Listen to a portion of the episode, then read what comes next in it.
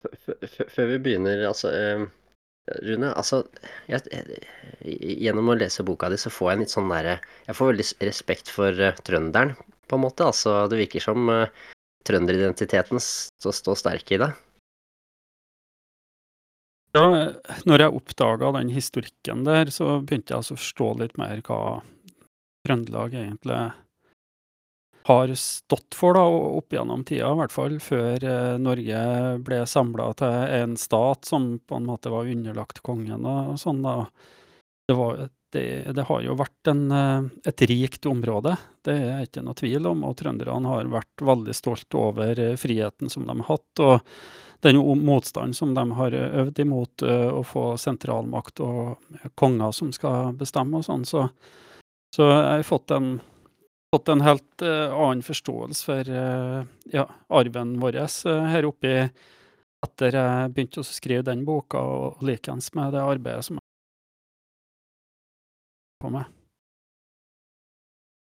Sant. Ja, jeg fikk i hvert fall veldig, veldig stor respekt for Jeg kjenner noen trøndere, og det er bra trøkk i dem, på en måte, men nå, nå skjønner man litt mer at det har en interessant arv med hvor man er Ja, har vært viktig å beskytte de ressursene man har, og ta vare på folket sitt. Ja visst.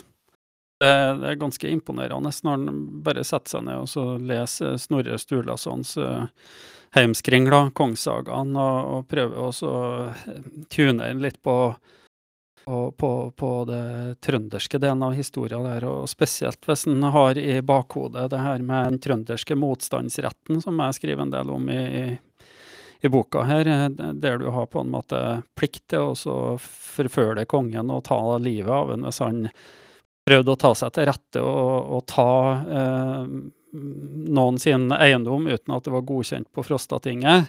Så det var jo ganske tøffe, tøffe vilkår for, for, kongen, egentlig, og, og, også for folket. og da, De måtte på en måte bare ofre seg for for uh, folket sitt. ikke sant? Det var en slags sånn allmenn uh, verneplikt uh, der du ikke var i tjeneste til kongen, men det var i folkets tjeneste. Det var én for alle, alle for én, og det var bare å sale opp og ri etter kongen og prøve å drepe han. fikk du ikke det, så skulle du jage han ut av landet. Så når du kjenner den biten der, den på en måte der rettskulturen som de hadde der, og den frihets... Eh, forståelser som de hadde den gangen. Eh, og, og, så får du på en måte Da får du litt andre perspektiver på Kongssagaen òg når du leser dem. Det blir veldig spennende å, å, å se og, lese den da, med det bakteppet der. Så jeg har hatt stor glede av det. Så jeg er blitt bare stoltere av å være trønder å holde på med de her prosjektene. Ja, det skjønner jeg godt. Og man begynner jo å tenke da om det er på en måte mer enn bare vannet der oppe i, i Meråker, eller hva, hva, det heter, der hvor disse alle langrennsfolka er fra. At det ikke er tilfeldig at de er blitt verdens beste. Ja, jeg, jeg tror faktisk det at uh, Altså nå skal ikke jeg si det at jeg har fått så mye av de tøffe genene eh, der, men jeg har vel stort sett bare trøndergener.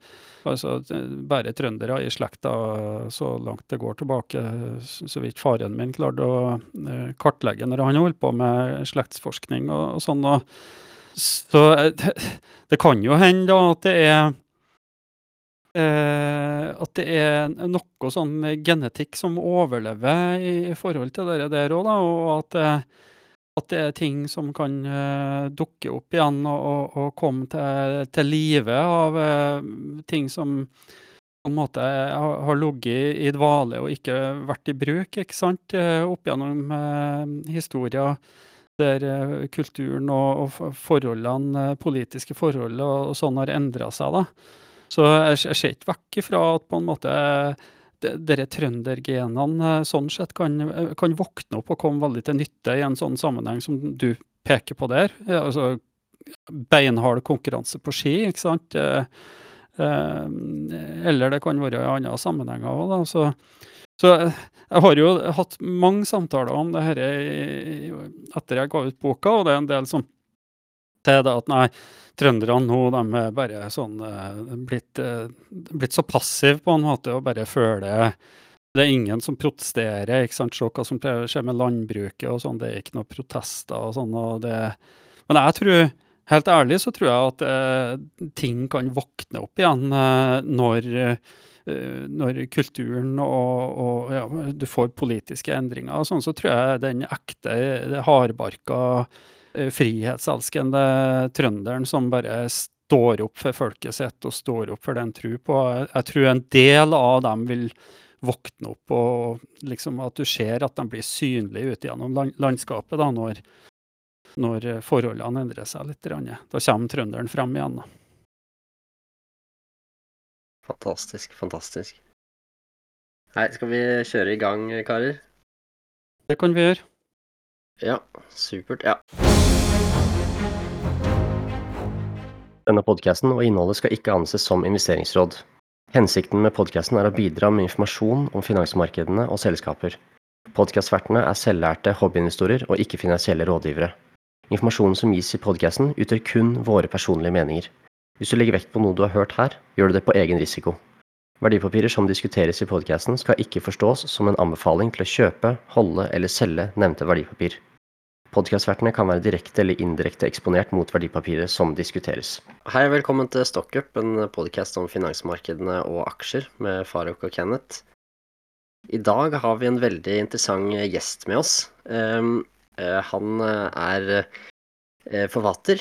Han har skrevet eh, tre bøker. En som heter Kvikkleire. En annen bok som vi har fått gleden av å lese, som heter Fraudcoin. Og sist nå med tittelen Unbar som er kommet ut ganske nylig. Ehm, og eh, gjestens navn er Rune Østgaard, eh, og velkommen til oss, Rune. Tusen takk for det. Veldig trivelig å få være her i lag med dere. Det her eh, har jeg gledet meg til, så det her blir gøy. Jeg gleder meg skikkelig, Rune.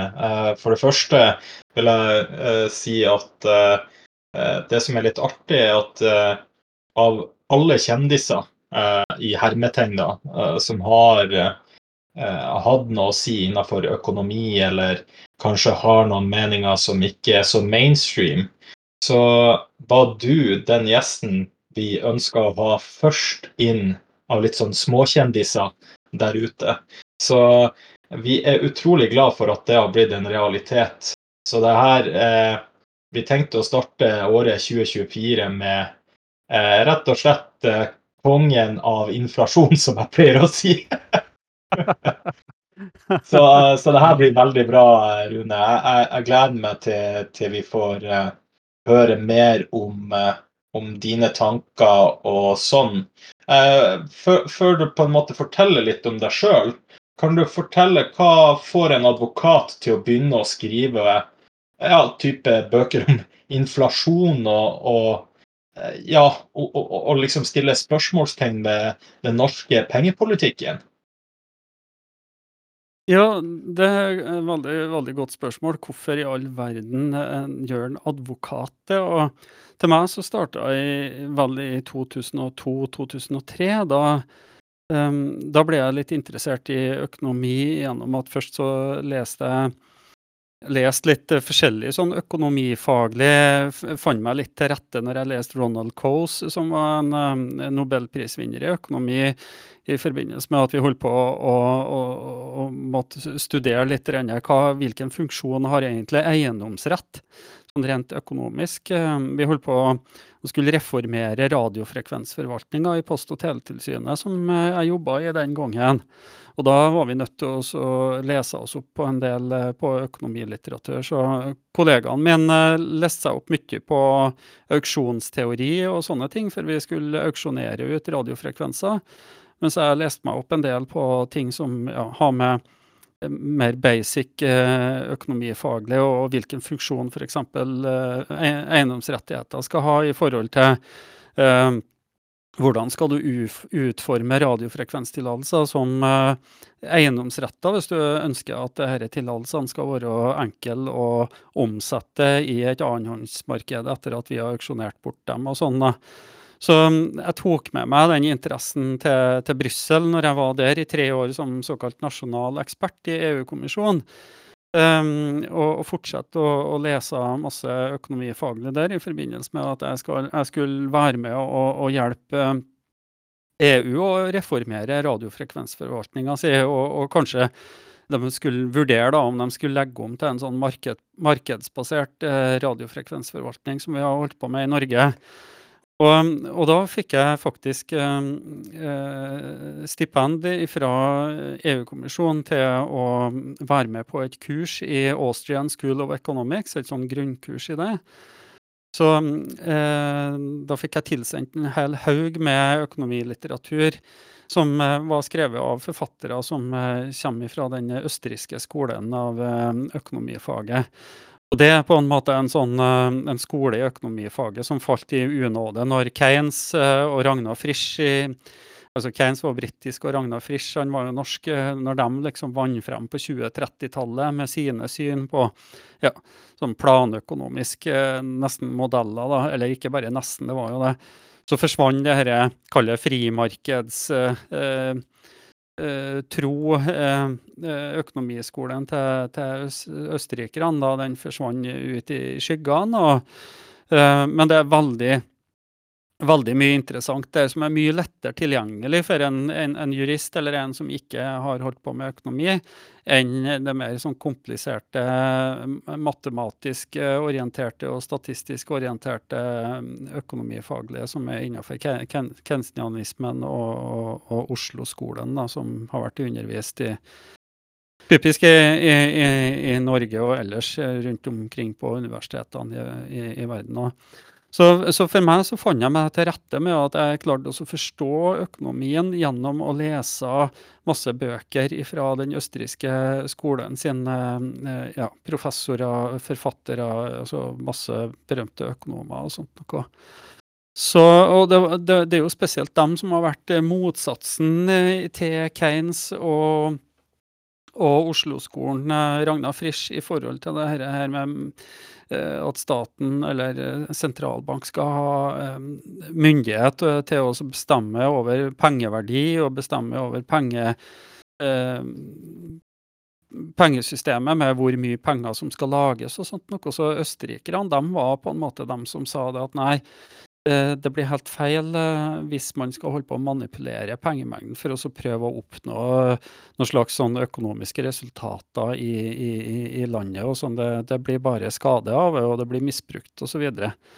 så jeg fikk en, jeg eh, fikk en, helt annen innsikt i, i denne tematikken som jeg nå har skrevet i boka om, rett og slett ved å være så heldig å, å, å, å få, få, lest alle disse bøkene, bøkene da, som ikke økonomi- og finansstudentene i, eh, til vanlig på universitetene og, høyskolene får, får, tilgang til.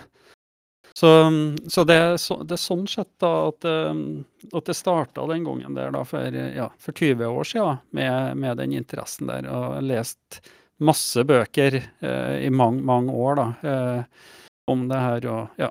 Så når jeg plukka opp det igjen i, i 2021, så hadde denne forståelsen kan du si har modna seg, sjøl om det var veldig lenge siden jeg holdt på å eh, holdt på å lese bøker. Jeg, jeg, tror jeg holdt på frem til 2010 eh, og, og satte meg inn i det her og interesserte meg mye for det. og så, så fulgte jeg jo heller med da, på hva som skjer innenfor politikken, og hva som skjer spesielt etter eh, lockdown med, med covid-19 og, og, og, sånt noe. Da så fant jeg ut at nå når inflasjonen kommer, så må jeg bare ta tak i det her. Og så får jeg snekre sammen noe og så se om det blir bra. Og så har det jo blitt mottatt eh, Jeg har fått en fantastisk mottakelse, egentlig, denne Fraudcoin-boka mi. Så det, det var bra. Vel fortjent, for du traff jo utrolig bra med timinga på å lansere den boka. Så det, det, jeg tror eh, folk ikke skjønner hvor viktig det er å lese den. Altså, Nå er lytterbasen vår eh, veldig opptatt av aksjer og finansmarkedet, men du går rett og slett inn i det grunnleggende. Eh, spør du meg, eh, så bør sånne type bøker være obligatorisk på videregående, rett og slett. Ja, det er mange som har sagt eh, noe lignende eh, til meg. og jeg er helt enig i at eh, det må absolutt inn i skolen. Og når, når, du sier det, så kan jeg nevne noen refleksjoner jeg har gjort ut fra noen undersøkelser som jeg har holdt på med nå i forbindelse med at jeg skrev den siste boka, som heter Unbar. Um, da begynte jeg å, undersøke litt hva vet vi egentlig om hvordan uh, Altså, hvor er det det blir skrevet om hvordan penger blir skapt, f.eks.? Den formen for pengeproduksjon som foregår nå i dag, med de konsekvensene som det har, den er fullstendig uetisk. Det har så store skadevirkninger for samfunnet, bl.a. at det genererer masse krigføring, som er det verste. Krig er helvete på jord. Og, og Fiat-penger, sentralbankpengesystemene, eh, de genererer kriger på løpende bånd. Så hvorfor, hvorfor blir ikke det her på en måte noe som vi får lære i skolen? Altså, penger er jo selve, selve hjørnesteinen i sivilisasjon. Altså, du har ikke klart å bygge opp sivilisasjon uten et pengesystem. Du, du, du, må ha et pengesystem bare for å bygge opp kapital, ikke sant? Hvis du ikke har pengesystem, så må du holde på å bytte varer og tjenester. Kanskje du får satt opp et lite sånn dårlig grisefjøs og sånn trekkfylt uh, hus og, og, sånn med litt hjelp fra naboen og sånn, men, men det er først når du begynner å ha et system med at du har et allment byttemiddel som penger er, at du kan begynne å bygge kapital. Så, så, det er så fundamentalt viktig for sivilisasjonen vår, og så lærer vi ikke en puck om det. Ikke en puck om det på skolen. Vi kunne hatt det allerede på barneskolen, det her tenker jeg om hvordan penger blir til. og, og, og litt om rentesrente og negativ rentesrente, som er veldig viktig i inflasjonssammenheng. da. Det kunne kommet både på barne- og ungdomsskolen og, og sånn. Men du finner, ingen, du finner ikke spor etter det i, i i, i barne- og ungdomsskolen, og, og, så vidt heller ikke i, i, på videregående. Da skal du være heldig å ha en lærer som er genuint opptatt av det her, så får du kanskje noe hint om det, men ellers ikke. Og, og går du på økonomi, så er det bare så vidt at du er innom det her med hvordan pengesystemet er. Og jeg skriver jo i boka om, eh, om, eh, om, om eh, dette med hvilken kunnskaper har professorene og dem som underviser på, på høyskolene og universitetet, om hvordan penger blir til og sånn. Og det viste seg jo det at de, det var veldig forskjellig. Noen kunne nesten ikke eh, det, det mest grunnleggende om det her. Mens andre har fått det rett. og sånn. Så, så om du har gått på øko, tatt økonomi, høyere økonomiutdannelse, da, så har du fått veldig lite kjennskap til til pengesystemet. Jeg tror kanskje på innenfor finans at du får litt mer kunnskap om det. I hvert fall så har jeg fått, fått forståelse for at det, er, at det er en mer, mer, fokus på innenfor finans. Det var noen som har gått på BI som sa det at ja, det, det vi lærte, da, at eh, du må ha aktiv bruk av eh, kreditt som finansiering, ellers så nytter det ikke. Så det var en, en lærer, en som underviste der, da, som eh, konsekvent ba studentene gjenta etter seg, ja, da skal vi bøtte på med gjeld. Altså bøtte på med lån eller noe sånt noe. For du må på en måte gire investeringene dine, ellers så, så blir det ingenting av det. Så, så de fikk kanskje en, en, en, en, forståelse, en slags forståelse av pengesystemet. Men, eh, men ikke så veldig grundig, tror jeg. Og så tenker jeg det, ja, Nå prater jeg bare i vei, dere får bare heller prøve å stoppe meg hvis det blir for mye her. Men så tenker jeg da at OK, du skal, du skal lære deg hvordan økonomien virker. Hvordan økonomien virker i samfunnet, hvilke effekter du har av reguleringer, av toller, av skatter og avgifter og sånt noe eh, innenfor det økonomifaglige. ikke sant? Og du skal Kanskje i, på finans da, så skal du lære deg hvordan skal du få avkastning, hvordan skal du allokere kapital på en hensiktsmessig måte med risikobetraktning av alt det der. ikke sant? Men, men, men i bunnen så ligger jo det her med hva er penger? Og hvordan fungerer pengesystemet? Det er pengene du skal få avkastning på. Pengene som, eh, som skal søke og finne fram til der det er mulig å få avkastning. De skal, de skal tilflyte? Eh, de aktørene som kan bruke dem mest mulig effektivt, sånn at du kan bygge eh, dekke de behovene som er ute der, og skape både inntekter og profitt og, og, og, så videre. Og så vet man ikke hva penger er, nesten. Man vet, og vet i hvert fall ikke hvordan pengesystemet fungerer. For meg så er det, det, det er oppsiktsvekkende at du, at du, ikke har det i litteraturen, og at det, at det, i så liten grad blir undervist uh, innenfor de spesialiserte fagene der. Og så begynte jeg nå å undersøke uh, hva med det her med det uet, at det er så uetisk at føre har sånne store omfordelingseffekter, uh, det pengesystemet vi har, og at det blir så mye kriger og sånn av det. Hva med Bibelen og Koranen og andre religiøse tekster og sånn, da? Eh, eh, behandler dem det her?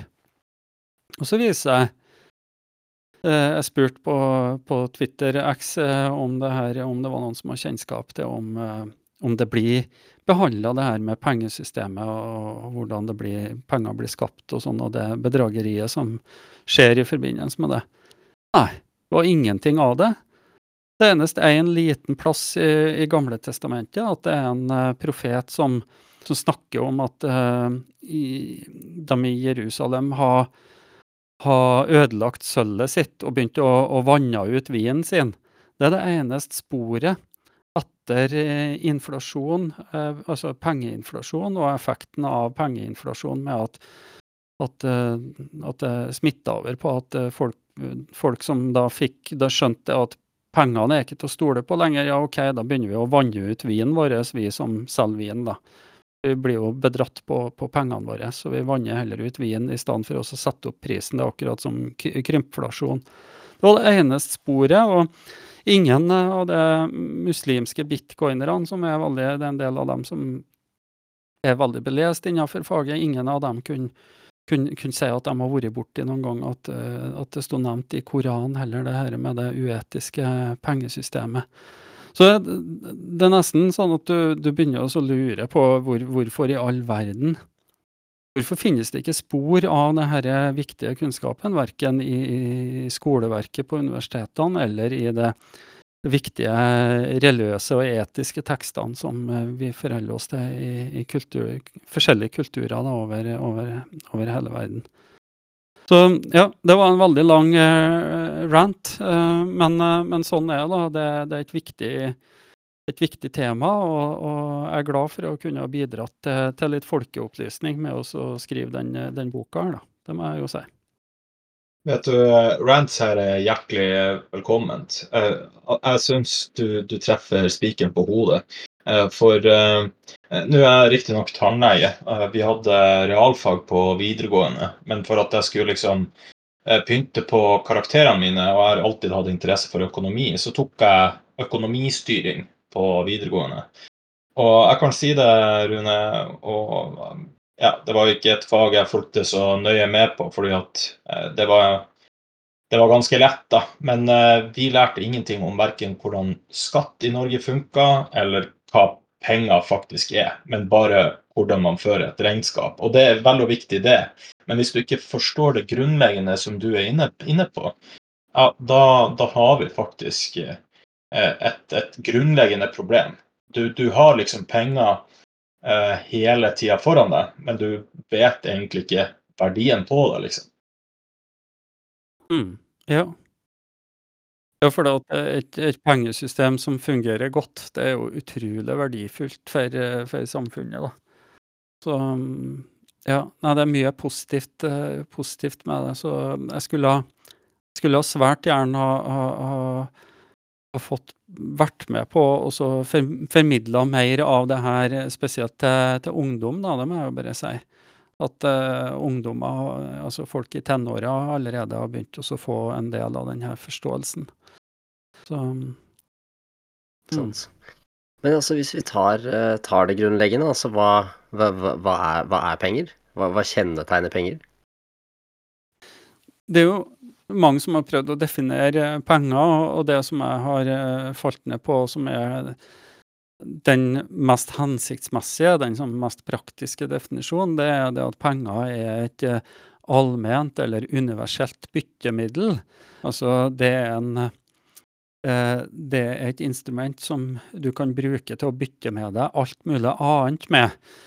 Du kan kjøpe andre penger med det, altså veksle valuta. Du kan kjøpe eh, andre finansielle instrumenter. Du kan kjøpe alt mulig i realøkonomien. Um, så, så, det er det du kan handle, skaffe deg alt mulig annet med. Det generelle, det alminnelige byttemiddelet. Uh, og litt av grunnen til at, at jeg falt ned på at det er det, det som er den viktigste og, og, kanskje den beste definisjonen, det er at når du innser det at Penger er det som inneholder det kvaliteten at du kan skaffe deg alt med. Både f.eks. kapital, fast eiendom, og forbruksvarer og forbrukstjenester. OK? Når du forstår det at det er et allment byttemiddel, og ikke en slags bong som du har fått på sosialen, en sånn blå lapp som du går i butikken og får kjøpt deg brød og melk med, eller som du kan gå på Dressmann for å kjøpe deg klær med. Eller du kan få noe støtte for å få skaffa deg TV og abonnement på mobiltelefon og sånt noe. Altså, penger er et universelt byttemiddel. Det er ikke bare noe som du kan bruke for å skaffe deg konsumenttjenester og konsumentvarer, altså forbruksvarer og forbrukstjenester. Det er det som du kan kjøpe alt med. Så når du skal måle da verdiutvikla pengene, så blir det helt håpløst, etter mitt skjønn, og bare drive og sammenligne med det, det med eh, hvor, my, eh, hvor, mye du får eh, av ei kurv med eh, f.eks. klær, mat og eh, bil og eh, feriereiser og, og, og alle mulige sånne eh, datatjenester og sånn som vi kjøper. Altså, det er bare et lite subset, det av alt, hva, hva, alt du kan kjøpe for penger. Så man har valgt ut da med å uh, lage denne konsumprisindeksen og, og avarter av det, så har man valgt ut et sånn subset av varer og tjenester som utgjør bare en liten del av det du kan uh, bruke penger for å skaffe deg. Og så har man da tilfeldigvis, eller det er ikke sikkert det er så tilfeldig, valgt ut det segmentet av ting man skal skaffe for penger, som typisk er det som faller raskest i verdi, bl.a. pga. innovasjon, bedre produksjonsmåter og eh, bedre systemer for at du kan importere billig fra andre land og, og sånne ting. Så man, da driver man og måler verdiutviklinga på den norske krona opp imot det som faller eh, naturlig mest i verdi. Og da ser det ut som at nei, inflasjonen den er ikke så høy, den. Så penger er et allment byttemiddel. Det du kan kjøpe alt med. Hvis du skal måle det reelle verdiutviklinga på penger, så må, må, du måle det opp imot absolutt alt, ikke bare konsumpriser. Eh, nei, konsum, konsumenttjenester og konsumentvarer. Men uh, artig at du er inne på liksom, det her med in innovative ting. Uh, for uh, alle vi vet jo at teknologien har jo gjort at ting har blitt lettere for oss i hverdagen. Spesielt den teknologiske utviklinga de siste 30 årene. Og det vi blir alltid fortalt, er jo på en måte at teknologien fungerer deflaterende. Men det er jo ikke det vi ser i virkeligheten eller? Hvis, hvis, det har vært sånn at eh, pengemengden lå fast, da. Det var bare eh, maks eh, 10 milliarder norske kroner i omløp. Den ble ikke økt i det hele tatt. Så ville jo man merke det at prisene gikk ned på absolutt alt. Hvis eh, man ikke endra på pengemengden. Fordi at vi ble dyktigere til å produsere ting. Vi ble flere mennesker som brukte penger. Vi, ble, eh, vi fikk eh, nye oppfinnelser som gjorde det billig. Det ble eh, robotisering, ikke sant. Du, du, kunne, du, kunne, du kunne få mye flere varer og tjenester da, som den begrensa pengemengden, 10 milliarder kroner, skulle fordeles på. Og da vil jo naturlig prisene være nødt til å gå ned. Så det, det jeg kaller en sånn naturtilstand, da, i motsetning til en politisk tilstand, der er alt deflatorisk. Prisene på så, så å si alt vil gå ned, fordi at pengemengden ligger fast. Ja, ikke sant. Ja, det gir, eh, gir veldig mening. Jeg, jeg, bare jeg sitter og tenker bakgrunnen på det derre på, på, på, kronisen. ikke sant? På 70- eller 80-tallet, jeg vet ikke når den kom. Jeg var antakeligvis ikke født da, ja. men den kom jo Det var en krone, ikke sant? Kosta en krone. Og den kosta jo Eh, litt å produsere, ikke sant. Henning Olsen, hvis det, hvis det er de som har den, måtte, ha, ikke sant? måtte få ta, kjøpe melka. Kanskje de hadde kuer. Eh, de måtte ha litt maskiner, kanskje. Eh, men fra den tida, den kosta én krone, til i dag, så har jo antageligvis iskremprodusenten blitt mer effektiv. Får tak i større kvantum av innsatsfaktorer. Maskinene er blitt enda bedre. Transporten har sikkert blitt mye mer effektivisert. Eh, veinettet har jo blitt mye bedre, så distribusjon har jo blitt sikkert mye billigere eh, i realiteten. Men jeg vet ikke, jeg sjekka, sjekka men koster det sikkert 30 kroner for kronisen nå? Ja, alt det du peker på der er jo sånn deflatoriske faktorer, ikke sant. Og faktisk så eh, starta når de når de begynte å produsere kronheis, så var de også mye større, har jeg blitt fortalt, enn de er i dag. Uh, og så kosta de visstnok ikke ei krone, men de kosta 75 øre. Så prisstigningen er enda mye høyere enn en, Ja. Mm. Nei, så det Ja.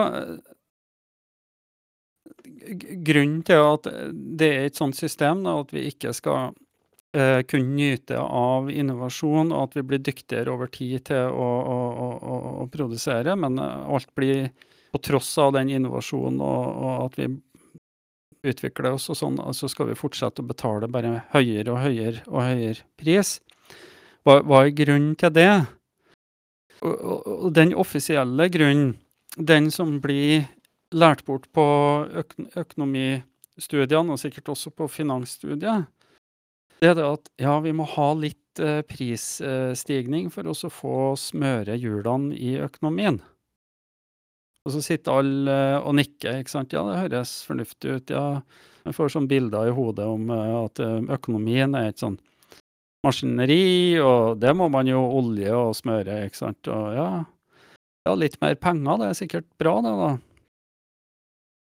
Så at at, eh, at, at, folk da vil ta i bruk det her eh, pengene og, og, og, og, bruke dem før, før prisene går opp, da. Og så, så er tanken da at ja, da, det vil fremme økte investeringer. Fremme økte investeringer, eller det fremmer innovasjon. Så ved, ved, et sånt, med et sånt lite sånn magisk grep, da vi bare lager mer penger, så får vi større vekst, det blir flere arbeidsplasser og sånn. Og alle bare sitter og nikker til det, ikke sant. Ja, det høres, høres jo Det høres jo i hvert fall veldig forlokkende ut. Jeg liker jo den ideen at vi kan bare lage mer penger. Og så får vi økt velstand i samfunnet. Hvem ville, hvem ville ikke hatt?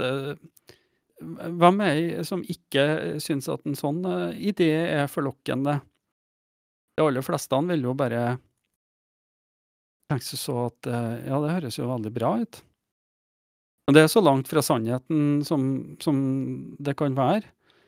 Når du, når du, pøser på med Vi øker jo pengemengden i gjennomsnitt med 7% i året, pengemengden M2 i, i, i perioden 2002 til 2022.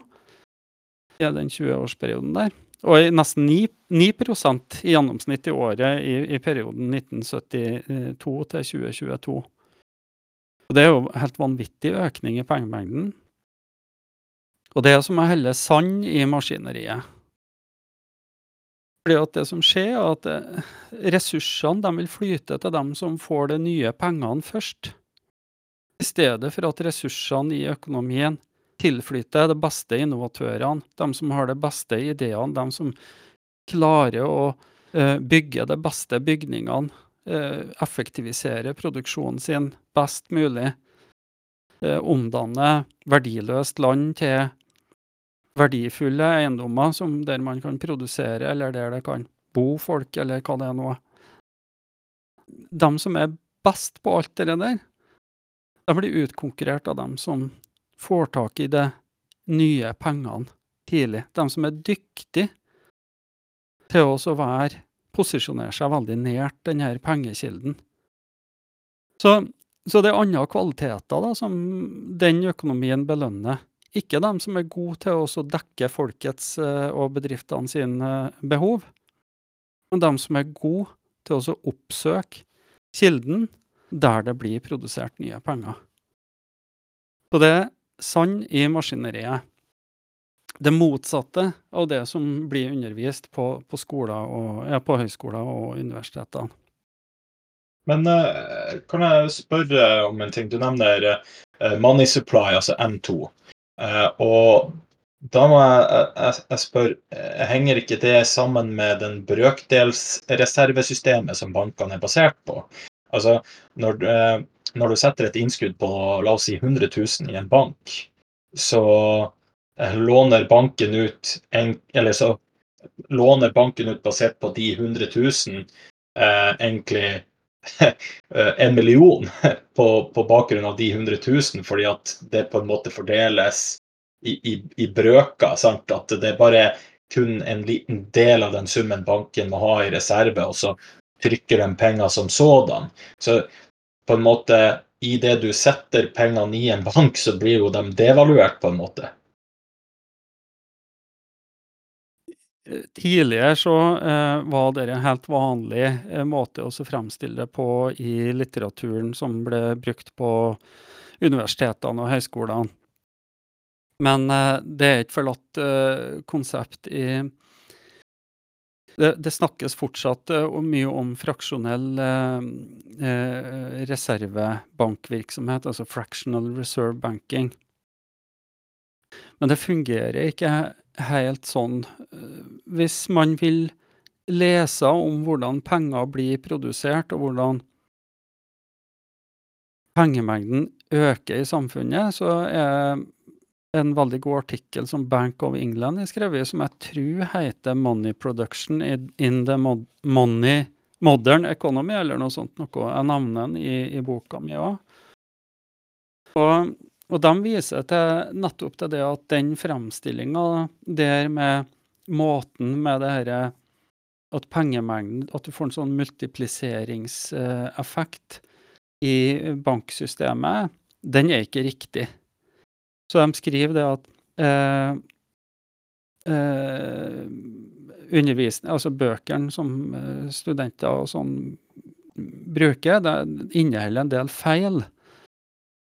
Finansavisen tok jo tak i det her og, og begynte å undersøke bl.a. på norske universiteter og på Handelshøyskolen og sånn, hvordan, hvordan det, ble det her undervist, og da viste seg at det var en del feil. Så det som er realiteten, da, at i Norge så blir så å si alt, nesten 100% av alle penger, blir skapt av private banker. Eller banker som er dels eid av staten, og da selvsagt, men det vi kaller liksom sånn private banker. da. Eh, sentralbanken skaper i veldig liten grad eh, penger i, i Norge. Så pengene blir skapt gjennom bankene sin utlånsvirksomhet. De har et privilegium på den måten at de kan skape nye penger når de betaler ut lån til sine kunder. Og så er spørsmålet eh, hva må de ha i reserver da, for at de skal f.eks.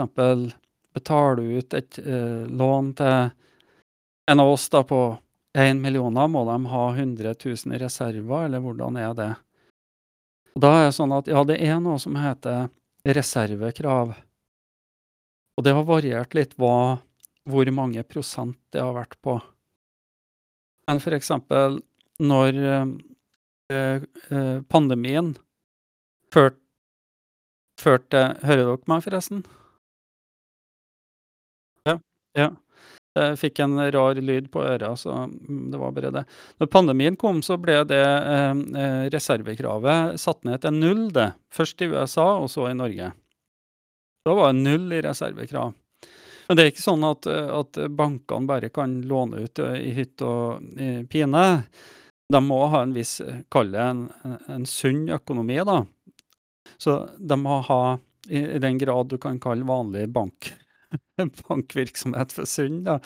Men det må være en viss soliditet med det de holder på med. da. Så det er, en, det, det er, et knippe av sånne regulatoriske krav som de er underlagt, som må, må være oppfylt da, for at de skal eh, kunne eh, holde på å eh, låne ut penger til kunder, og, og, og, på den måten øke pengemengden i, i samfunnet.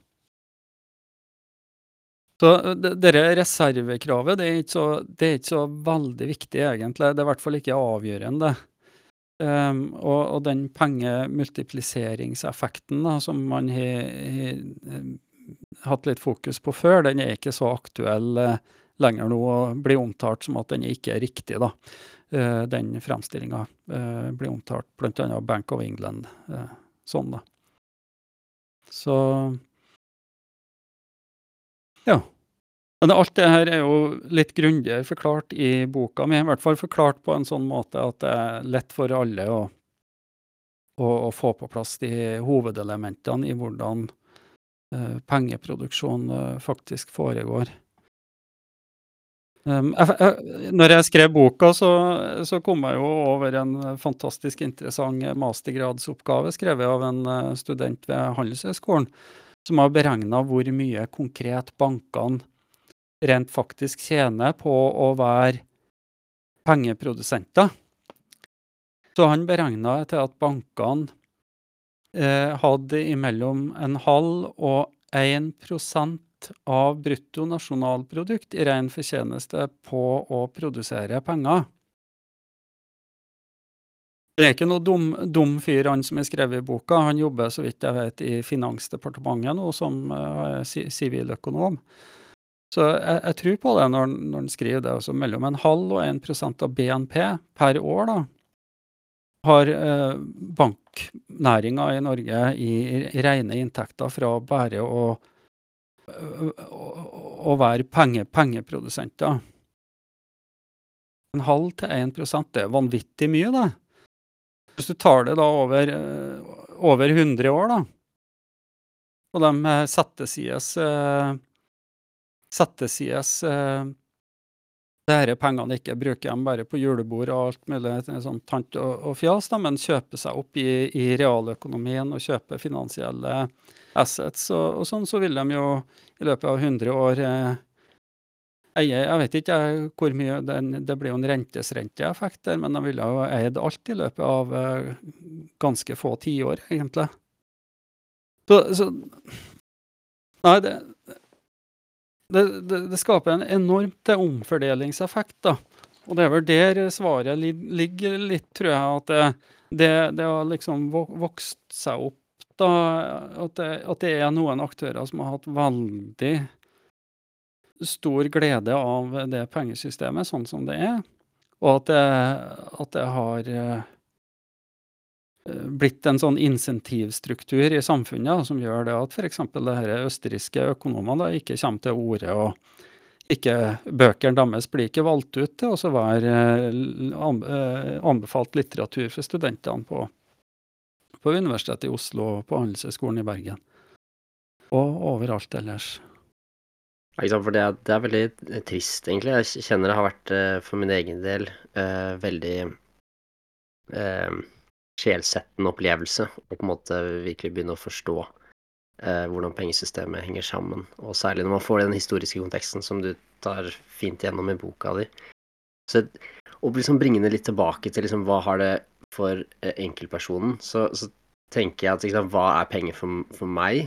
Og det er jo liksom, penger for meg, det er jo egentlig energi Altså, eller vil si Jeg produserer energi, altså arbeidskraft, eh, og så får jeg, bytter jeg det mot, mot, penger. Det føles jo ganske kjipt at den, eh, de pengene Jeg må jo få de i arbeid så fort som mulig, hvis ikke Jeg kan ikke sitte med de, fordi da mister de kjøpekraften sin. Og det er veldig Mm. trist at systemet er sånn. Og, og eh, så, jeg vet ikke om dette var noe spørsmål men, men liksom hvordan Hvordan burde vi tenke når vi skal Altså fordi at det, dette med verdi, som du er inne på, hvordan man skal verdsette pengene, det er så på en måte forankra i oss at én krone er på en måte én krone, og så er det veldig få som tar seg bryet med å liksom eh, se gjennom lønnsøkningene sine over tid og te tenke at ok, lønnsøkning er, er ikke egentlig fordi de blir flinkere, men det er fordi at det er mer penger i omløp. Eh, Ja. men hvordan, Mm. ja, hvordan burde vi tenke for å tenke for å verdsette arbeidsinnsatsen vår? For det første, eh, vanlige arbeidstakere de burde jo ha gått på eh, fagforeningene sine skikkelig og så sagt at eh, det er ikke riktig det at jeg opprettholder kjøpekraften min over tid fordi at dere sørger for at vi kanskje får, får litt eh, lønn som følger utviklinga med konsumprisindeksen. Det er ikke riktig i det hele tatt. Jeg taper så det synger, og det er noen eh, i samfunnet som tjener på det at jeg, eh, at jeg ikke får kompensert eh, for det her. Så arbeidstakere eh, ta opp det med tillitsvalgt og gå på forbundet og så si det at eh, det her må vi ta opp internt i forbundet. Hvordan vi havner på etterskudd hele veien pga. Uh, at pengesystemet er sånn som det er. Så, men så er spørsmålet da liksom da, Dette var et sånn pek som eh, jeg, jeg trakk fram nå. Altså, det er noe som kan føre kanskje til noe systemendring på litt over litt tid, ikke sant? hvis noen begynner å røre det i det her, sånn som jeg har gjort. Men det mer interessante for folk flest det er jo hva kan jeg gjøre med det her for å ikke tape på det? Hvilke grep kan jeg ta for meg og min familie? Og det er jo absolutt, eh, absolutt mulig å gjøre noe med, i hvert fall sånn at du begrenser tapet ditt, ikke sant? Vet Og da tenker jeg det at en forutsetning at du først eh, forstår hvordan, litt hvordan pengesystemet fungerer. Da. For det er først da du vil føle at du har insentiver til å virkelig eh, ta tak i det og gjøre de grepene som, som gjør at du, at du ikke taper så mye. Da. vet du, Rune, eh, akkurat det der spørsmålet du, du stilte, var årsaken til at jeg, jeg gikk mer aktivt inn i aksjemarkedet sjøl. Og hvorfor jeg meldte meg ut av Den norske tannlegeforeninga. Fordi at jeg nekta å bøye meg under et system som ikke var bærekraftig for den utviklinga jeg ser for meg. Altså, eh, eh, Kenneth kaller det energi, jeg kaller det tid. Eh, du lever bare én gang, og du vil gjerne ha mm, få mest mulig igjen for den tida og den kompetansen du besitter som enkeltindivid. Eh, Så, så jeg meldte meg ut, og jeg har de siste tre-fire årene hatt en årlig lønnsvekst på eh, 12,7% i snitt, så jeg. Og det vil jeg si eh, eh, Ja, det, det er veldig bra, og jeg er kjempefornøyd med det og kommer til å fortsette med det. Men eh, eh, det, jeg elsker måten du legger det der frem, for samboeren min hun følger ikke så mye med på, på finans og, og økonomi som sådan. Og hun sa liksom forleden dag til meg eh, Hun jobber også som tannlege, men liksom Jeg føler liksom vi har like mye råd som når vi var nyutdanna, sa hun. Og så sa jeg hva hun mener. Nei, liksom den lønna jeg sitter på nå, selv om den er 200 000 mer enn for syv år siden, så føler jeg at de pengene er mindre verdt. Og så sa jeg men det er jo fordi at de er mindre verdt. og så var det liksom bare av det. så, Og Men, trøst, eh, trøstende ord fra samboeren. eh. ja, men, men det, det, det er jo fakta. Det er jo, så jeg, jeg, jeg syns du jeg, jeg, syns du treffer essensen her, eh, Rune. Og da, da vil jeg spørre deg Det er jo et todelt spørsmål, egentlig. Hva har du gjort for deg og din familie? Hva, hva, hva, eh, jeg skjønner at du prøver å spre budskapet, men hva har du gjort for deg sjøl? Altså, hvordan kjemper du mot de her kreftene? Ja. Har jeg putta pengene der jeg har kjeften? Det er jo det som er spørsmålet ditt, og det er jo kjempegodt. Og da er det kjempebra at du spør om det. Men da skal du vite det at Jeg har aldri vært opptatt av penger, jeg har aldri vært opptatt av sparing. Jeg har, hatt, eh, jeg har vært opptatt av forståelsen. Jeg har vært opptatt av det her med å skjønne hvordan det her virker på samfunnet. Og mm, egentlig ikke eh, tatt meg tida til å, å, sette meg inn i aksjer og sånt noe. Jeg brukte opp eh, eh, pengene mine løpende på tant og fjas og sykkelutstyr og kjøpt meg stor hytte og alt mulig sånt noe. Så mm, jeg har ikke drevet og investert nå for å liksom eh, komme meg eh, vekk ifra det herre inflasjonsproblemet. Så nå de siste tre åra, da, så, så, burde jeg absolutt ha tatt noe grep, men da har jeg skrevet til sammen fire bøker, og return on investment eh, med å skrive bøker, det er jo ikke, det er jo ikke all verden å snakke om, i hvert fall ikke forfattere flest. Men, eh, men vi, vi, håper at det skal kaste litt av seg etter hvert, da. Så ikke vært så veldig interessert i, i, i den biten eh, der. Men du kan si det sånn at eh, vi har ei datter på 18 straks. Og jeg har vært eh, opptatt av at hun skal um, utvikle en forståelse for det her. Og, og, hun er opptatt av det, og vi holder på å, å, å dyppe um, tærne litt i, ned i noen investeringer sammen. og jeg håper etter hvert å kunne uh, jobbe på en måte og skaffe meg inntekter på en måte som uh, gjør at jeg blir mindre del av ja, den Fiat-økonomien som vi er i nå. Da. Så det er jo ikke noe hemmelighet at jeg er opptatt av bitcoin. Jeg er også interessert i, i gull, for så vidt, men det, det, det, virker som at det er bitcoin som er, er mer ja, framtida på litt lengre sikt, da. Så jeg er litt opp, nå er jeg ganske opptatt på, av at, at jeg må ta konsekvensen av den kunnskapen jeg sitter på, og ta aktive grep. Og jeg håper også å få tid til det nå når jeg har gjort ferdig den siste boka, den som eh, kommer ut nå i, i starten på mars, eh, som handler om bitcoin. da. Det hørtes ut som en lang bortforklaring på det angrepsspørsmålet ditt, men eh, det var jo nok også. jeg, jeg, vet jeg, jeg syns det der var kjempe, kjempebra, Rune. Altså, for um, eh, Nei, du, du, er en fascinerende type, og jeg syns vi trenger flere sånne, egentlig, i Norge. Eh, mange sier jo at den beste investeringa man gjør, er jo å ta lærdom.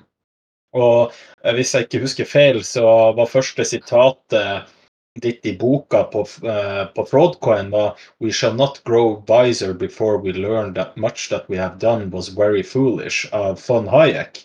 Og det er jo jeg, jeg, jeg, jeg føler det beskriver litt egentlig denne samtalen vi har uh, her og nå.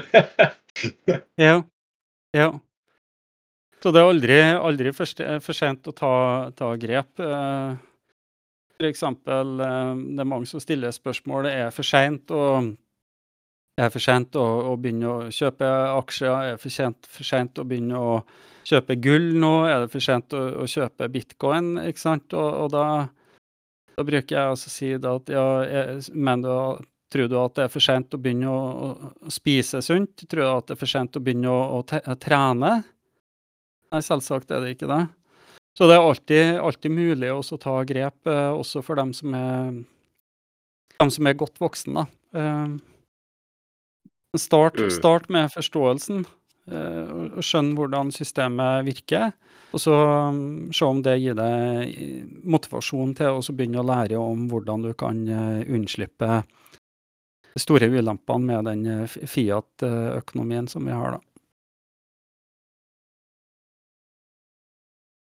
Ikke sant. Nei, vi kan jo touche litt innom eh, Altså, eh, som var inne på på slutten der, altså hva Altså, ja. Eh, inflasjon, ikke sant. Det er bra å smøre hjulene, ikke sant. Og, men hva er, hva er, ulempene? Altså bortsett fra krig, da? ja, vi, vi, pekte jo det, på det i sted, at, at um, at dere man Sjøl om man har blitt fått mer arbeidserfaring og er mer effektiv på jobben og sånn, så, så opplever man at man får ikke uttelling i form av at man har bedre økonomi. Da. Det føles som at uh, man har det på akkurat samme måten. Uh, og vi opplever at varer som egentlig skulle ha falt veldig i pris, de stiger i pris, ikke sant. Og så det, det, blir, det, blir, kostbart, mer og mer kostbart å, å leve. Så det er, jo, det er, jo, det at vi sitter på, på feil side av systemet, da. Og ikke får utnytta de fordelene som andre kan utnytte med at vi har et 100 eh, gjeldsbasert pengesystem. Så dem som primært de som er det de som har de største fordelene av det, i tillegg til bankene som tjener på, direkte på å, å, drive med pengeproduksjon, det er de som kan ta opp de største låna eh, på de beste vilkårene, altså få lavest rente. Og det er da gjennomgående. Det er de som har mest fra før.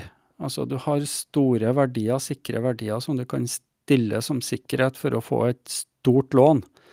Du kan jo kjøpe opp bedrifter, fast eiendom, eh, sikre deg kapital eh, osv. Så, så systemet fører over tid til en stadig en, en, økende grad av konsentrasjon av verdier på få hender det er stadig færre og færre som tjener på dette systemet. Og i tillegg til i tillegg til at det er noen som tjener rent finansielt på altså økonomisk, de blir veldig mye sterkere enn alle andre i samfunnet, så får du da opphopning av politisk makt òg, da. For økonomisk eh, styrke og politisk makt, det går typisk eh, hånd i hånd. Så når du da kan på en måte kombinere det fordelene da med at du har du, du sikrer deg tilgang på samfunnets økonomiske ressurser med at du låner mye penger til en billig rente, og konkurrerer ut eh, resten av aktørene i samfunnet. Hvis du kombinerer det med um, at du får politisk innflytelse i tillegg, så kan du begynne å forme Påvirke beslutningsstrukturer i samfunnet, sånn at du gradvis da får, får på plass kanskje de reguleringene som er fordelaktige for din virksomhet, ikke sant. At du Kanskje du har insentiver til å påvirke politikerne til å ikke føre en politikk som gir sterk krone eller stabil kroneverdi målt opp mot annen valuta over tid, men kanskje du er en sånn som har insentiver til å hviske politikeren i øret at det er ikke noe ulempe at uh, krona svekkes. Det er jo bare bra, for da får jo dere brukt mer penger fra oljefondet. Samtidig som man sjøl nyter godt av å være en Eh, oppdrettslaksebaron som eh, får eh, rekordoverskudd pga. at krona har blitt så svak. Så det, det, det, er noen som tjener på det. Det er dem som allerede har mest fra før, og som lærer seg å utnytte det faktum at vi har et gjeldsbasert pengesystem. Og Dette innebærer da altså det at du har en stadig økende konsentrasjon da, av både økonomisk styrke og politisk uh, makt, så fører det til at det blir stadig flere, en stadig større andel av samfunnet, som, som får det dårligere og dårligere. Det, det, merkes veldig godt uh, nå over uh, store deler av verden, og man merker det til og med her i Norge. Det er bare ikke så mange som, uh, klarer å sette ord på det og, og, og, forstå hva det er som foregår. Nå sier ikke jeg det at eh, alt skyldes uh, pengepolitikken. Det gjør jeg ikke. Det er summen av veldig mange faktorer. Men pengepolitikken den er helt avgjørende fordi at pengesystemet det er selve det grunnleggende, basisen i samfunnet, det som alt annet er bygd på. Så når du har det omfordelingseffekten i selve fundamentet for eh, samfunnet, fundamentet for sivilisasjonen, så påvirker det hvordan strukturene blir alt det andre som er bygd oppå det fundamentet. Så får skjevheter da, som bare øker i omfang jo lenger opp i laga, kan du si, i, i samfunnet vårt vi, vi kommer, i, i de lagene da, som er bygd på det grunnleggende plattformen, eh, pengesystemet. Så jeg vet ikke med deg, Faruk, men eh, når Rune snakker her, så tenker jeg bare på det som skjer på NHO-konferansen i disse dager. At det er eh, Ja. Ja, fy faen. Det kjenner jeg også på. Ja. Nei, det er jo Det, um, ja. er et godt begrep som han eh, eh, Jon Hustad, som dessverre gikk bort, han fantastiske journalisten. Det var et stort tap for Norge at han gikk bort i, i, i fjor. Det, han, han, brukte ofte dette begrepet tilkarringsvirksomhet uh, og tilkarringssamfunn. Og det er jo nettopp det vi ser nå med det her at NHO har jo Jeg vet ikke hva, hva det er som er igjen av den organisasjonen, av hva som medlemsbedriftene sett for meg den gangen for noen tiår siden hva det her egentlig var en slags organisasjon, skulle, hvilke interesser den skulle tjene og sånn. Det er jo ren tilkaringsvirksomhet de holder på med i dag.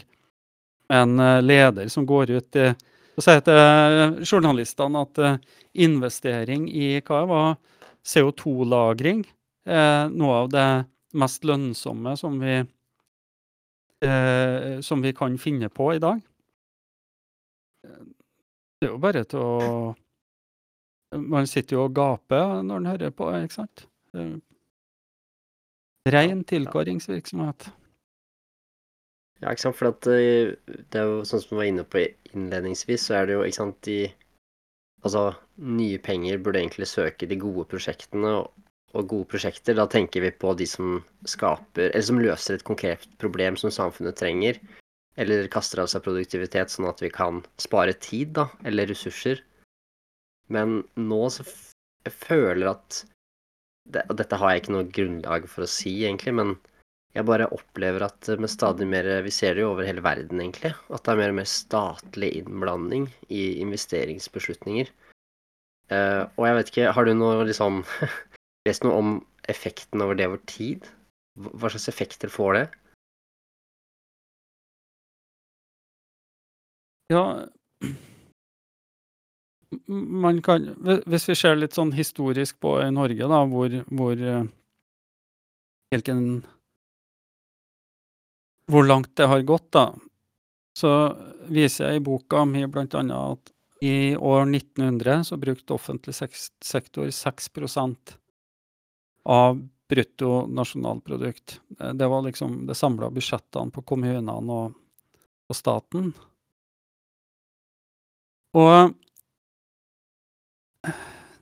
du fikk et stort sånn knekkpunkt i, i 19, 1914, når første verdenskrig kom. Da eh, sa Norges Bank og, og, Finansdepartementet til bankene at uh, dere trenger ikke å gjøre opp i, i gull med kundene deres. Vi løser dere fra denne plikten som følger av den såkalte gullstandarden. Og så øka de pengemengden med de tredobla han i løpet av bare fem år, eller noe sånt noe. Og manipulert eh, deretter på 20-tallet pengemengden ned igjen, og skapte jo konkurser en masse. Det var en sånn omfordelingseffekt av det politikken som foregikk mellom 1914 og 1928, som mangler sidestykke i Norge. Og det var da du fikk eh, starten på statsoppbygginga i Norge, altså på den måten at stat og kommuner begynte å vokse. da. Så i 2021 så har det offentliges pengebruk økt fra 6% i 1900 til 66% av bruttonasjonalprodukt.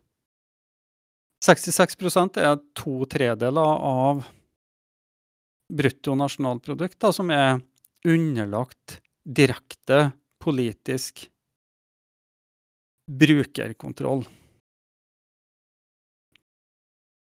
Og da, det, det, er ikke sånn at ja, da har du igjen Da, liksom det, da er offentlig to tredjedeler av eh, økonomien, og så er privat sektor en tredjedel. Det er ikke så enkelt. Men altså, de har direkte innflytelse på en, en så van, vanvittig stor del av økonomien. Og da er spørsmålet Hvor mye er det som er igjen da av eh, et fritt et reelt fritt marked, da, der du får en reell prisdannelse i samfunnet, der eh, du som man som tannlege f.eks. har sine kostnader. Man skal ha lønn, man skal betale utstyr, man skal ha etterutdanning, man skal ha lokaler og sånt noe. Alle, alle det her er dine kostnader. Og så har du har du kundene, da, som skal reparere tennene sine, og, og de eh, har direkte kostnader til at de skal gjøre det. Når, når, man eier produksjonsutstyret sitt og eier de ressursene som man bruker i virksomheten, og man eier, eier pengene sine som man har tjent, så får du en prisdannelse som sender signaler ut i samfunnet om hva det er som lønner seg å produsere, og hvor mye det lønner seg å produsere av det.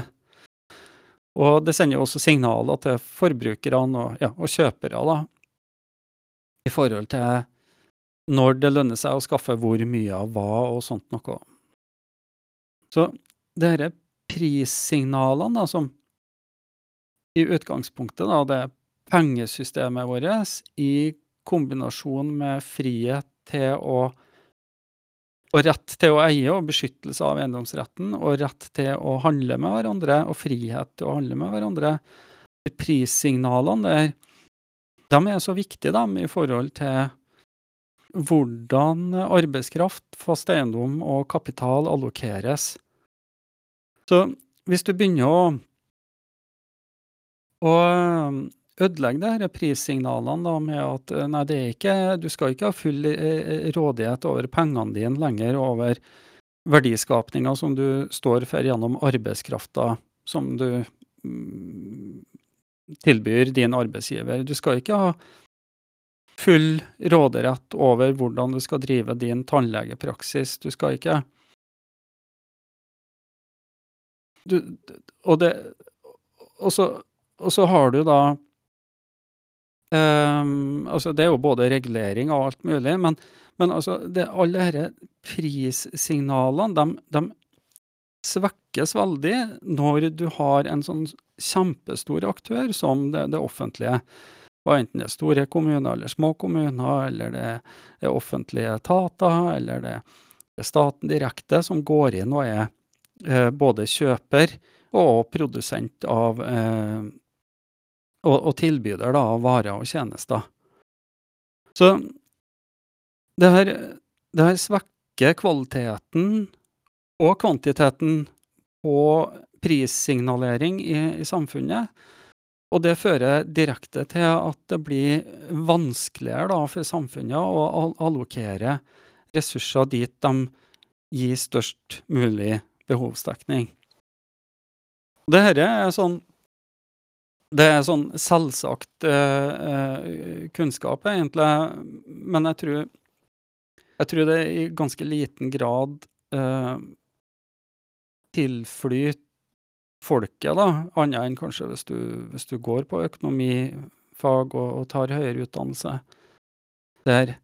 Men det er f.eks. ei bok som skrevet av en som heter Hoff. Eh, på, eh, Jeg tror den ble gitt ut i 1939. Jeg omtaler den i boka. Den handler om, ehm, det handler om eh, hvordan økonomien fungerte i, i Sovjet.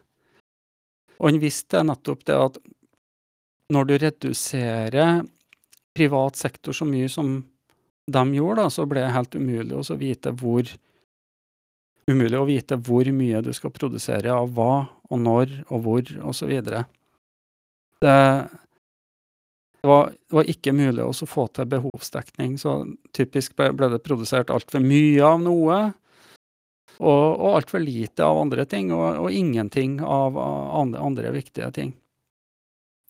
Så man, man må på en måte ta inn over seg det at OK, en offentlig sektor som bruker to tredjedeler av bruttonasjonalprodukt. Det er det landbaserte BNP. Fastlands-BNP. Eh, da, da, ødelegger det for prisdannelser, det ødelegger for prissignalene, og det, og det, gjør det veldig vanskelig for ressursene i samfunnet å, å, å bli flytta til der de eh, gjør mest nytte av seg for i, i, i folkets tjeneste, kan du si barnelærdom, egentlig, sånn økonomifaglig. Men man eh, bare tar på seg skylappene og, og bryr, bryr, seg ikke om det. Man bare kjører på og, og fortsetter og, og lar eh, offentlig sektor få vokse. Mm. Ja, for det virker som Jeg veit ikke hvor, hvorfor, men det virker på en måte som politikerne i dag tenker at alt kan løses med, med penger, på en måte. Eh, og man skal eh, løse alle problemstillinger med regulering og avgift eller mm. tilskudd. Mm. Ja, og på, på, en måte så mange det er som er ansatt i det offentlige òg nå, da det være alle dem som er der, som prøver å gjøre en skikkelig jobb. De, jeg er en av dem. De, de, de har jo trua på at de eh, de fleste tror jeg tror at de faktisk kan gjøre samfunnet en stor tjeneste med det planlegginga som de holder på. Så ser de ikke helt at de blir mange brikker i et stort system som totalt sett er, er, blir ganske skadelig da, i forhold til å, å få til behovsdekning for, for folket. Da.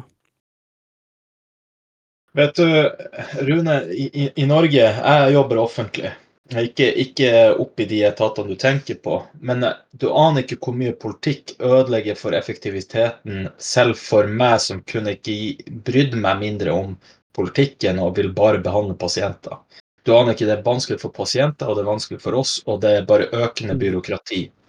Så eh, jeg er helt enig i, i, i ting, ting, du nevner i forhold til eh, ineffektivitet, enkelte folk som tjener på det, folk vil ikke møte problemene. Men nå som vi på en måte har ramsa opp i godt over en time problemene, har du eh, Hva føler du er løsninga her? Burde hele verden, siden vi er i en globalisert verden, gå over på en verdensvaluta? Altså bare tilknytte oss en valuta? Ikke at det skjer, men hva, hva er løsninga her for at hvermannsen skal beholde sin eh, sin verdi for penger, da? Det spørs jo egentlig helt uh, alt på hvem du er. Du som enkeltperson, hvordan er du? Hva er du opptatt av egentlig? Hvor, uh, hvor høy eller lav tidspreferanse har du? Hva er du mest ute etter? Men det er klart det at hvis du skal utnytte fordelene med pengesystemet sånn som det er i dag, så bør du jo uh, skaffe deg ei utdannelse eller komme i posisjon på en annen måte, sånn at du kan jobbe tett opp imot f.eks. finansnæringa, eller du bør sette deg inn i å uh, lære deg dette med å investere i aksjer og verdipapirer og, og sånne ting. Og lære deg å utnytte gjeldsinstrumenter på en, uh, på en effektiv måte. Um, utnytte hull, eller utnytte skattesystemet sånn som det er. ikke sant? Og så bare legge deg tett innpå det systemet og, og, tjene store penger. Uh, eller i hvert fall klare å kompensere for uh, fall i verdien på, på, på, det som du prøver å sette sides. da. Men så, en alternativ måte er jo, å, er jo også prøve å fjerne seg litt ifra det samfunnet, da. Eh, med å For eksempel, da eh, La være å ta opp gjeld, og heller satse på å være fri. Um, for det at Altså, det har ikke jeg nevnt, da, men Norge er jo på gjeldstoppen. Norge har jo mer gjeld per uh, i forhold til disponibel inntekt per husstand enn noe annet land i hele verden. Det var på 247% eller hva det var, i, i 2021. Så det å la være å ta opp gjeld, og, og, og, og, heller investere i egen kalle uavhengighet og suverenitet, da, det, det, tror jeg kan være veldig sunt for mange. da. Men dog en fremmed tanke for mange. for ikke sant? Naboene våre de har jo mye mer gjeld enn oss. Hvorfor kan ikke vi ta opp uh, lån og så kjøpe oss en ekstra bil eller ei hytte eller noe, eller oppgradere et eller annet? ikke sant? Så man må på en måte komme seg ut av den, uh, den tilværelsen der, der gjeld er helt naturlig og vanlig, og så over på egentlig gjør det litt sånn på gammelmåten, der gjeld nærmest var Det var syndig, ikke sant? Det var stor skam å ha gjeld. Så sats på egen uavhengighet fra banksystemet og det pengesystemet som vi er, med å ha et annet forhold til, til lån. Og så heller prøve å redusere forbruk og, og, sånn deretter, og forbruk herunder bl.a. bolig, da, for vi tror jo at vi driver og investerer i bolig. Bolig er jo det største forbruket vi kan ha. Så, så det er mange måter å, å, å, å gjøre det på. Likeens hvis du skal da trekke deg vekk fra Fiat-økonomien, så, så bør du jo eller det er en annen ting som jeg ikke har nevnt. Du må se på hva, hva er inntektsstrømmen din, f.eks. Får du lønna di i norske kroner? OK, er det så lurt, da? Norske kroner har mista enormt med verdi. Siden 2008 så må du betale dobbelt så mye for dollaren nå som du måtte den gangen. 50% mer for euroen. Så det å ha hatt inntekter i norske kroner i denne perioden, det har jo vært veldig skadelig for økonomien din. Har du muligheter til å selge varer og tjenester der du kan få inntekter i annen valuta, f.eks., i stedet for norske kroner? Og det er jo mange som har. Eh, eh, bare eh, prøver å tenke litt annerledes om kompetansen sin, og, og, og se litt på markedet utover bare akkurat der de, der de bor, og i, i, Norge. Så prøv å få inntekter i noe som uh, i, i, i annen valuta, som kanskje er hardere og, og, og, bedre, som holder seg bedre i verdi enn den shitcoin called uh, Norwegian krone, som jeg har skrevet en del om på Twitter og i, i kronikker og sånt noe. Så, så, det er noe eh, praktisk grep. Kan du få inntekter i noe annet enn en shitcoin, så velg en bedre coin. Og så er det dette med, med, gull, da, eksempel. Jeg vet jo at gull blir jo hunsa veldig med i, i finansmiljøet og sånn. Det, det, gir jo, det gir jo ingen avkastning, sier man. sant? Gull, det ligger der bare, det er dødt, og det, du kan ikke produsere noe med det. Du får ikke noe yield. Nei, OK. Greit, det. Helt fair argument, det. Men hvis du ser da på langsiktig sparing, da, lett å si at jeg begynte å spare når jeg var ble født i 1972, altså frem til 2022, i den 50-årsperioden der, så har da eh, gull hatt nesten samme prisutvikling av verdistigninga målt i norske kroner som du har hatt i økning i reinvesterte Eller økning i investeringer på Oslo Børs, der du holder midlene dine på Oslo Børs i plassere dem sånn at du får samme utviklinga som på indeksen i 50 år, og reinvesterer kontinuerlig eh, eh, utbytte. Da hadde du akkurat ville ha slått da, eh, den verdiutviklinga, prisutviklinga, som gull har hatt. Men så må du begynne å se på når du selger Hvis du skal, hvis du skal selge aksjene dine, da, selge aksjefondene dine, da, i 2022 så får du avkast, skatt på avkastninga. Hva er den? Er 38% eller noe sånt? Noe? Ja. Og så har du hatt og så har du hatt eh, forvaltningshonorarutgifter underveis. Hvor mye er det på? Hvis du investerer i aksjefond som er knytta opp mot indeks, er en 0,2 0,2 ca. Hvis det er passiv, ja. pa passive indeksfond, f.eks. OK. Ja. Jeg ser du, jeg kan ikke så mye om det, den biten der, men i hvert fall. Så, så du, du, sitter kanskje ikke igjen med så mye allikevel. Og hva, er, hva, hva skatten ville ha vært på hvis du har spart i f.eks. engelske, liksom britiske sovereign eh, legal tender-mynter eh, i den perioden der Hvis du har solgt det for norske kroner, så hadde du ikke fått noe kapitalskatt. Eh, unnskyld, eh, eh, skatt på avkastninga. Fordi at du bare veksler om et lands legal tender til ditt eget lands. Så, så hadde, du spart i gullmynter i den perioden der du har hatt utgifter til lagring og, og, og sånt noe, kanskje du har hatt noen forsikringsutgifter og sånt noe. Så, men alt i alt, da, med en bortimot sånn risikofri plassering der, da, så du ville ha gjort det like bra i løpet av den 50-årsperioden som om du har plassert pengene på, på Oslo Børs og var fullinvestert hele veien i aksjer i 50 år. da. Så jeg, jeg, jeg vet ikke, jeg, Ja, kanskje du har gjort det, ikke sant? Hvis du har gode låser på dørene dine og alarmsystem og sånt noe. Så, ja da. Nei, så det, det, skal, det, det, er greit nok, det gir ikke avkastning, men uh, hvis vi ser Hvis vi skal lære av historia, da, som er økonomifaget f.eks., er jo sånn retta mot empiri. ikke sant? Det er den eneste metoden som uh, teller, ellers så blir det uvitenskapelig. Så vi må jo se bakover i tid. Og da, da ser vi da at uh, gull har nesten hatt det samme utviklinga som aksjer i, hvis du har investert i Norge, da. Uh, men, men, hvordan er framover, da, hvis du ser på det siste Hvis du ser på ti år tilbake, da, så begynte jo å ha litt omsetning, handel, i noe som heter bitcoin.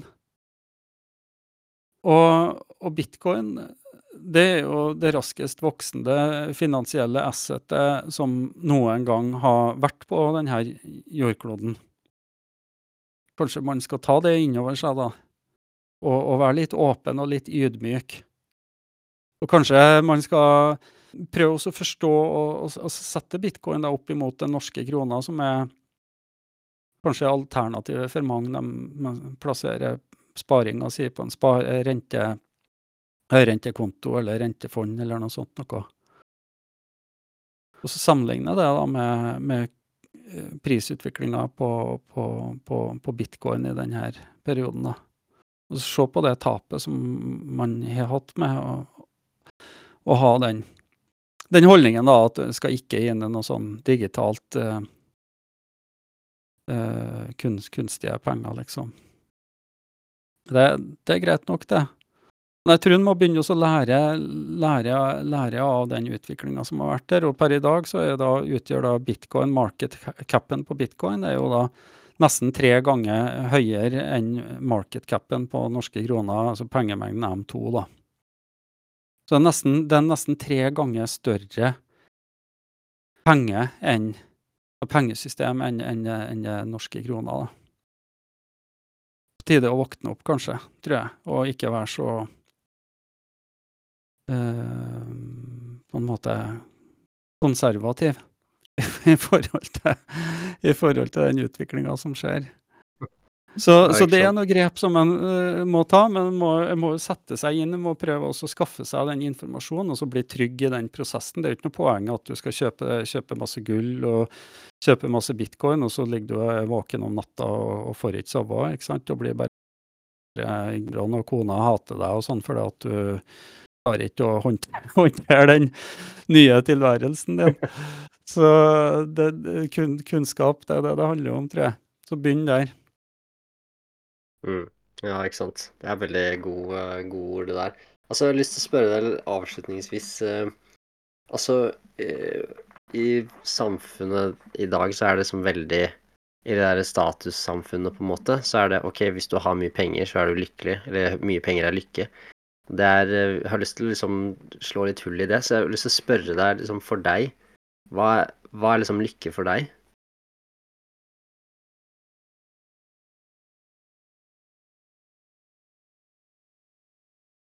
Det, det, takk for at du spør, stiller akkurat det spørsmålet der, for det at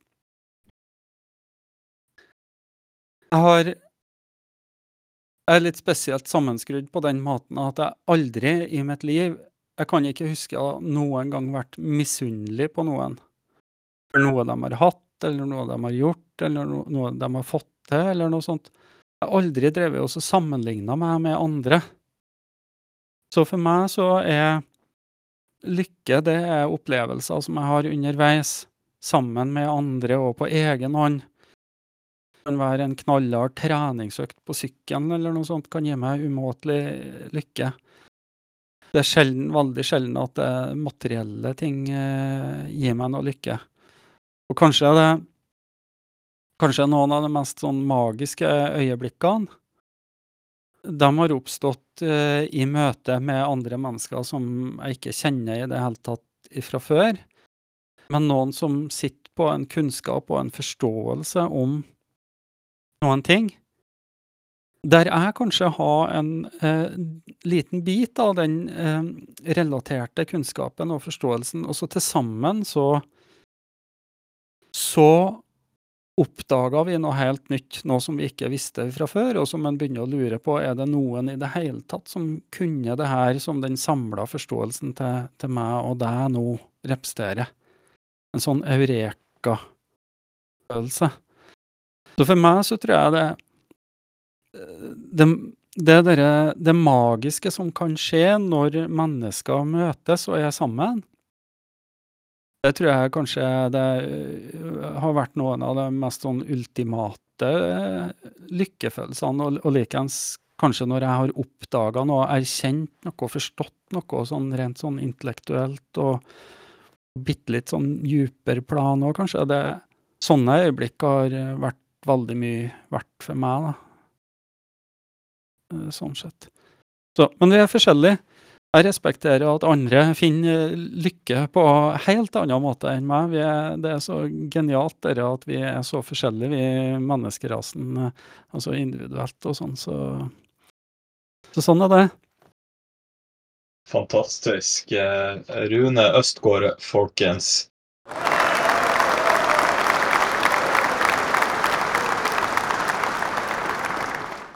For en eh, mann og for en forfatter. Eh, eh, det her, det her var en, en kjempegod episode, og vi anbefaler alle å følge deg på Twitter. Under det Har du et kallenavn der, eller er du bare der som Rune Østgård? Eh, du finner meg som Rune Østgaard, ja. Så det er alfakrøll enur72. Eh, originalt nok eh, fornavnet mitt baklengs, og så fødselsåret 72. Så um, dere finner meg der. Eh, vi... Veldig hyggelig om dere legger meg til der, og ja, bare ta opp diskusjonen med meg òg. ja, du har jo uh, over 10 000 følgere, og, og det er velfortjent mye bra content og innhold der. Eh, vi eh, kommer også til å legge inn eh, holdt på å si Twitter-profilen din lenka til episoden på, på podkasten i lag med invitasjon til folk som ønsker å komme i kontakt med oss på Discord-serveren. Det her var utrolig, utrolig bra, Rune.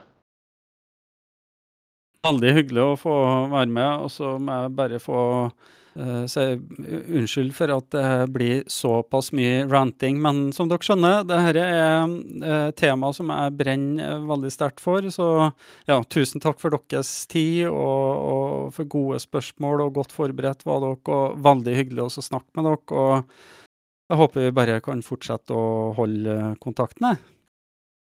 Det, det, det kan du bare barne på. Det kan du bare barne på. Absolutt. Absolutt, og veldig gjerne det. Og kanskje Kanskje en senere anledning så er det noe, noen ting vi Altså hvis vi kommer tilbake en gang, så hadde det vært veldig gøy. Eh, det er eh, flere ting som vi lurer på, som jeg vet at du kan veldig godt. Men jeg har lyst til å bare si at jeg, vi berømmer og, og beundrer egentlig åpenheten din, og at du er så modig. For det er ikke mange som tør å være så direkte og åpen som det du er. Og det trenger vi. Så vi er veldig, ja, syns det er veldig gøy at eh, du hadde lyst til å komme og, og snakke med oss om disse temaene. Tusen takk for det. Bare, bare hyggelig. Jeg gjør det igjen eh, senere, så ser fram til det.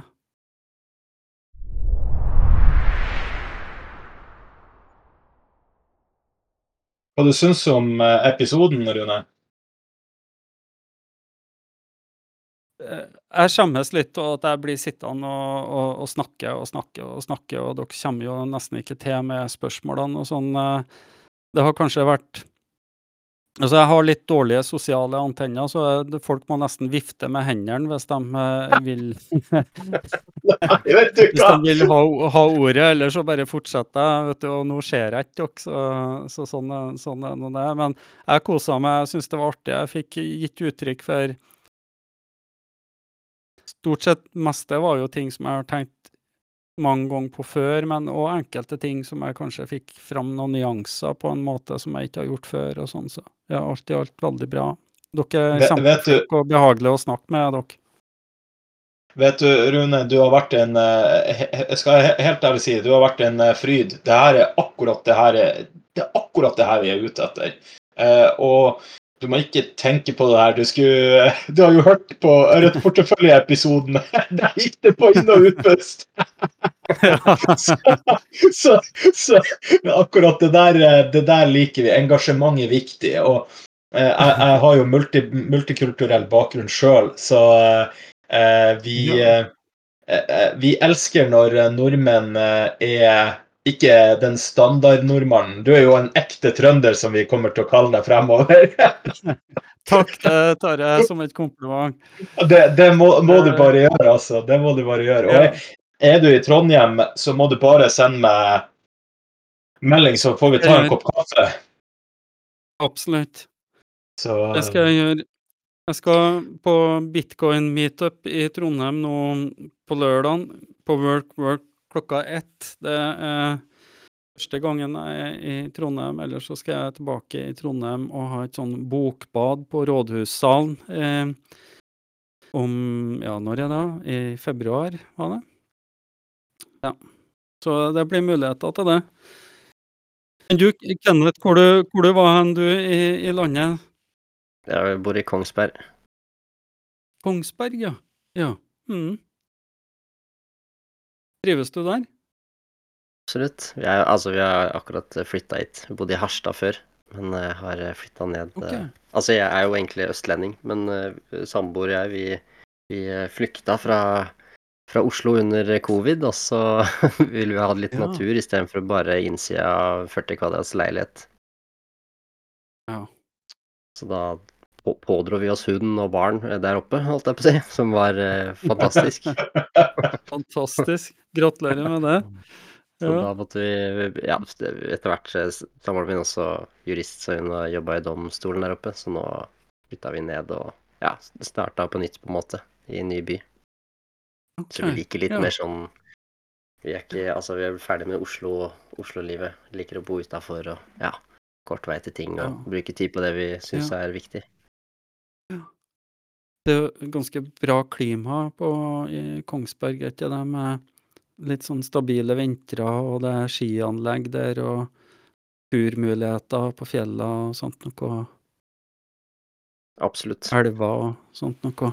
Mm. Ja. Men, men, jeg må også si, Rune, det var jo litt artig når eh, jeg var på på fest hos noen eh, venninner eh, til samboeren min. Eh, vi har sånn her fast eh, vennegjeng som eh, treffes i romjula når alle er samla. Og, og, så kom jo en eh, kompis som jeg har spurt liksom, ja, jeg hører at det er litt sånn liv med podkasten og, og sånn her. Og vi begynte jo å få medfart på alle, alle topplistene og sånn. Og så sa jeg ja, den første episoden nå på nyåret gleder jeg meg skikkelig til. Å, hvem, hvem, er det som skal gjeste? Jeg vet ikke om du har hørt om en som heter Rune Østgaard? Å, ja, faen! eh, Har du fått tak i han? Jeg har lest alle bøkene hans. Så, han, han, han, han eh, elska jo kvikkleire, og så hadde han lest Fraudcoin, og så sa jeg For jeg venta jo på, på boka i posten, vet du, og han sa den der boka var episk, og det ble anbefalt av en annen kompis av han til å lese, lese på, og han sa eh, Og han her er veldig flink, altså. Han er ingeniør og, og svært Ja. oppegående, og han sa det var en, en av de beste bøkene eh, som han har brukt utenom på en måte studiene og sånn, til å lære noe. Mm. Så det må du ta til deg, altså. Ja, takk for det. Jeg kan jo komme med en annen erkjennelse. da. Jeg er 51 år gammel nå, og jeg skjønte at det for mye skryt eh, av de ting jeg har gjort. Det går rett til hodet på meg, så da blir jeg helt umulig å ha, ha med å gjøre. Så du får bare holde tilbake. Hold tilbake. Det er, dårlig, det er masse dårlige trekk her. Så, Men det, det, det fortjener du, Nei, altså. det, og, ja. Nei, men det er artig å høre da, selvsagt, det at det blir satt pris på det arbeidet som er lagt ned, og at, at folk får, får, får glede av det. og Jeg føler meg jo ikke som noe kjendis, som dere innleda her eh, med en sånn småkjendis. og sånn. Jeg, jeg må alltid le hvis det er noen som sier det at uh, det er flere som har sagt til meg at eh, man får litt sånn eh, eh, sånn eh, prestasjonsangst eller noe sånt, liksom, når han Ja, han kjendisen Kjendisforfatteren, altså. Det er så fremmed for meg vet du, å tenke sånn at det er noen som eh, ser sånn på det. Jeg er bare en helt vanlig middelaldrende mann som ikke bryr meg om sånt noe. Men jeg, må, jo- jeg, jeg skjønner jo at andre, andre folk av og til tenker sånn, da. Så, Altså, ja, ja. Altså, jeg, jeg synes, for, for meg er du en kjendis, og, og, og, og det kommer du nok til å være. Og jeg husker når jeg sa til Kenneth eh, at uh, du har takka ja til å gjeste. Han var jo i e- ekstase, vet du. Og det var liksom sånn starstruck og hele pakka, ikke sant, Kenneth? Ja, ja. ja. Gi dere nå, gi dere nå. Er en, en, liten, en liten ting eh, når, em, når dere legger ut det her. Jeg skal sammen med en som eh, på Twitter kalles Hodlon. Ut.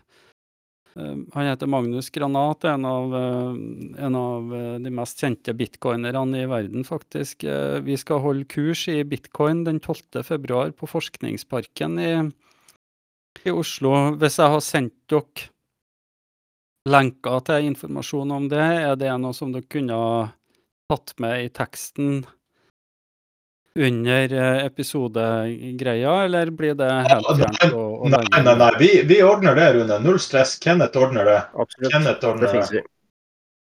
Det ordner vi, vet du. Så når du har det klart, så kan jeg legge det inn.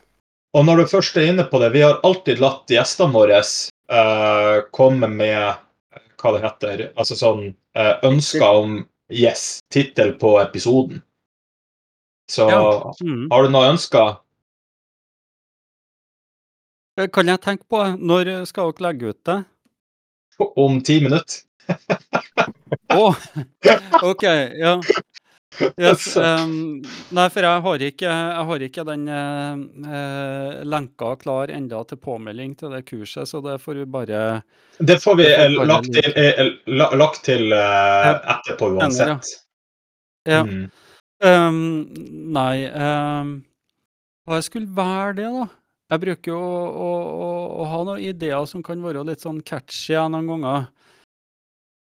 Uh, men uh, å ta det på løpende fot ehm, Hvis, du, hvis du kommer på det innen Mm. 20 minutter, og så skriver du til, til meg på Twitter, så legger vi det ut når episoden er klarredigert. Hvis du ønsker det. Ja, jeg kan se om jeg kan tenke ut et eller annet. Så mm, Jeg tror, jeg tror det her blir eh, kjempebra, Rune. Så er det noen eh, andre siste ord du vil eh, si før vi legger på? Nei da. Um, nå har jeg tror jeg snakka mer enn nok, så tusen takk igjen. Kjempehyggelig. Jeg gleder meg til å treffe dere i, i levende eh, så- Ja. Live òg. Så Da er det du som blir starstruck, Rune. Ja, st starstruck, ja. Det er bare å legge av seg med en gang. Å, herregud. Ja, nei, ja, men vi, altså hvis det vi, Angående med tittel og sånn, så hvis det ikke er noe som kommer til, så kan vi ta, vi kan ta noe kjedelig Altså ikke kjedelig, men altså noe deskriptivt som pengesystemet med Rune Østgaard eller noe sånt. Altså, det er jo Ja. Mm. forklarende, på en måte. Men uh, ja. Jeg skal se hva jeg kan komme på. Er det Kenneth, du, du er er ikke forfatter. Hæ? Du er ikke forfatter, Kenneth. Nei, det er sant. Det er sant. Nei, vi, vi, vi lar han uh, få, få, få litt tid på seg, så får han uh, melde meg i løpet av kvelden, tenker jeg. Absolutt. Og vi, vi kan også legge det ut i morgen. Det er ikke noe det er ikke noe ja, nei, jeg må bare legge det ut. Gi meg, gi meg noen få minutter, og så skal jeg prøve å komme opp noe, med noe. Er det mange ord vi har, da? Tre-fire ord, eller? Eh, ja, det Jeg må- husker jeg ikke, men, men uh, ja, ikke, ikke for langt. Men, uh, men ja, det går greit med Ja, det går greit med fem- fem-seks ord også. Det kan, kan Ja. gå, det, altså. Jeg skal Ja, det prøve der, å se jeg finner på noe. Mm. Nei, men Kjempebra, Rune. Fantastisk innsats. Veldig hyggelig. Vi Vi snakkes. snakkes. Ha en riktig fin kveld. Hei, hei. Ha det.